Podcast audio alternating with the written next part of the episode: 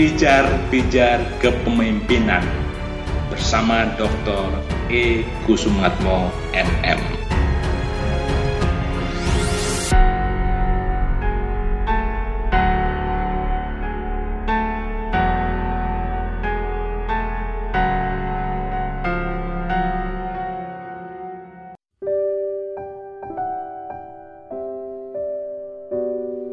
Suatu kebenaran yang menjadi pokok di sini adalah dalam keadaan yang baik, kelompok menjadi luar biasa pandai, lebih cerdas daripada orang tercerdas di antara mereka. Kelompok tidak perlu didominasi oleh orang yang sangat pandai untuk menjadi cerdas.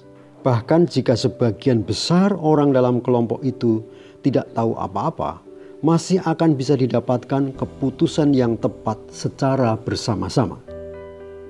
Ini karena manusia tidak dibentuk untuk menjadi pengambil keputusan yang sempurna. Herbert Simon, seorang ahli ekonomi, malahan menyebut manusia sebagai rasional secara terbatas. Umumnya, kita mempunyai lebih sedikit informasi dari yang kita butuhkan. Tinjauan ke masa depan juga terbatas. Kebanyakan dari kita kurang mampu dan tidak mempunyai hasrat untuk melakukan penghitungan biaya keuntungan. Daripada bersikeras mencari keputusan yang terbaik, lebih baik menerima yang ada dan dirasa cukup bagus. Terkadang kita membiarkan emosi mempengaruhi penilaian kita namun di luar keterbatasan ini, ketika penilaian kita yang tak sempurna ini digabungkan dengan cara yang benar, kecerdasan kita menjadi sempurna.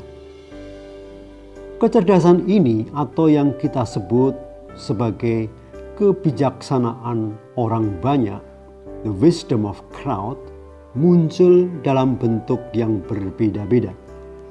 Itulah sebabnya Mengapa mesin pencari internet Google dapat memindai miliaran halaman web dan menemukan satu halaman web berisi informasi yang dicari?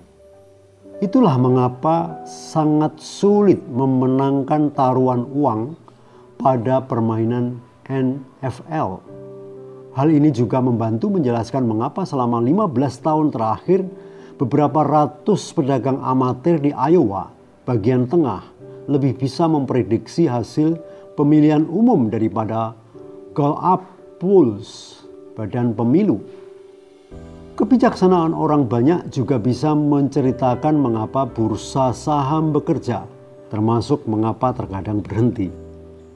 Ide kepandaian bersama membantu menjelaskan mengapa ketika Anda pergi ke toko untuk mencari susu pada jam 2 dini hari, anda akan menemukan sekotak susu tersedia di sana. Ide ini juga menjelaskan mengapa orang membayar pajak dan membantu melatih liga anak-anak. Hal ini sangat penting untuk ilmu pengetahuan, namun juga mempunyai potensi untuk menciptakan perbedaan yang cukup besar bagi perusahaan dalam berbisnis. Di satu sisi, pengetahuan ini mencoba menggambarkan dunia apa adanya melihat hal-hal yang sekilas tidak sama, padahal mereka benar-benar serupa. Di sisi lain, pengetahuan ini juga berbicara mengetahui bagaimana dunia seharusnya. Yang paling mencolok dari kebijaksanaan orang banyak, the wisdom of crowd, adalah meskipun dampaknya mempengaruhi kita secara kuat, namun sangat mudah terabaikan dan meskipun dapat dilihat, namun sulit dipahami. Kebanyakan dari kita, entah sebagai pemberi suara, investor, konsumen, ataupun manajer, percaya bahwa pengetahuan yang berharga hanya dimiliki oleh beberapa orang saja. Kita beranggapan bahwa kunci dari pemecahan masalah atau pembuat keputusan yang tepat adalah menemukan orang yang tepat untuk bisa menjawab semua hal ketika kita berada di sebuah kelompok di mana sebagian besar orang tidak berpengetahuan, kita melakukan sesuatu yang mengagumkan seperti memprediksi hasil pacuan kuda. saat itu kita lebih bergantung pada keberhasilan sejumlah kecil orang cerdas dari orang banyak daripada orang banyak kelompok itu sendiri. Seperti yang disampaikan oleh ahli sosiologi Jack Bishop dan Richard Lerik. Katanya, kita merasa perlu untuk mencari ahli. Pengetahuan ini berpendapat lain bahwa hal tersebut salah. Sebaliknya, kita seharusnya berhenti mencari ahli dan bertanya pada orang banyak. Tentu saja mencakup para jenius maupun orang-orang lainnya.